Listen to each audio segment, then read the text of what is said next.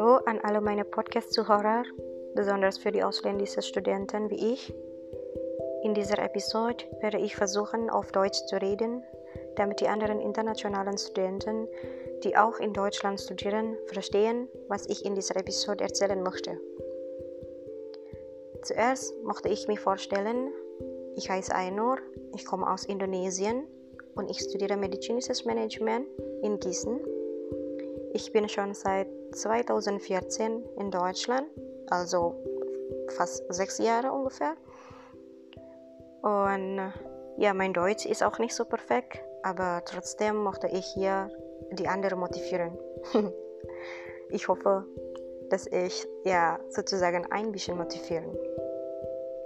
Okay, Leute, ich fange an. Ich werde euch davon erzählen, wie wir, die internationalen Studenten in Deutschland, sozusagen in Anführungsstrich kämpfen. Ich weiß es nicht, ob du das auch erlebt hast, dass du an der Uni oder auf der Arbeit manchmal dich selbst mit den Deutschen wegen der deutschen Sprache vergleichen lässt. Dass du dich ständig mit den anderen zu vergleichen, dass die anderen mehr Erfolg im Studium haben, ja, es geht nur darum, dich mit dem anderen zu vergleichen. Und dann wirst du so demotivieren, weil dein Deutsch nicht so gut wie bei den Deutschen ist.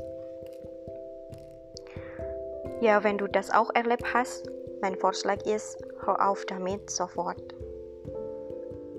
Letztes Semester war mein schlimmes Semester, das ich erlebt habe. Ich lasse mich mit den Deutschen wegen der deutschen Sprache immer vergleichen. Das macht mich echt fertig, weil ich nie so gut wie sie aussprechen kann. Ich konnte nie so gut, also die deutsche Sprache, wie eine Deutsche sprechen kann. Zum Beispiel bei der Präsentation oder bei der Hausarbeit oder sogar bei der Gruppenarbeit, wo ich die einzige ausländische Studentin in der Gruppe war. Ich war die einzige, die die deutsche Sprache so schlecht geredet habe und das beeinflusst in meiner Präsentation, wenn ich vor dem Publikum reden muss. Ich kriege sofort Panik. Und danach, zum Glück, habe ich mich überlegt, ich lasse mich kurz in Ruhe, dass ich reindenken kann.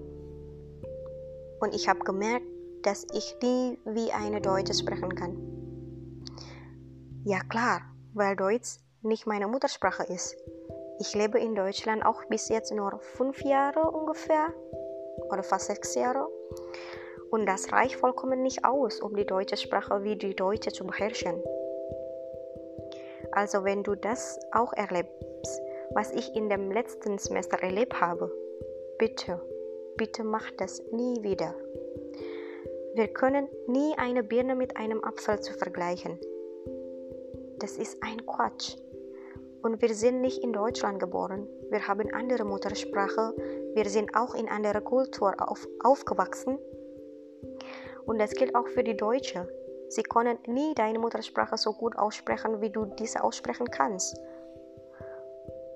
So mach bitte keinen Stress, mach bitte keinen Gedanken, falls dein Deutsch noch nicht so gut ist. Bitte versuch die Zeit zu nutzen, um die deutsche Sprache mehr zu üben, anstatt mit den Deutschen zu vergleichen. Und es ist egal, wenn du vor dem Publikum präsentierst und deine Grammatik noch nicht alles richtig ist. Hauptsache, sie verstehen, was du meinst.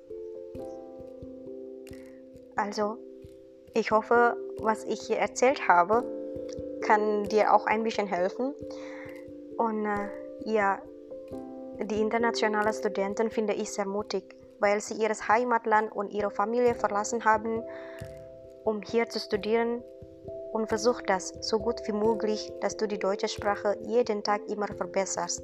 verbessert.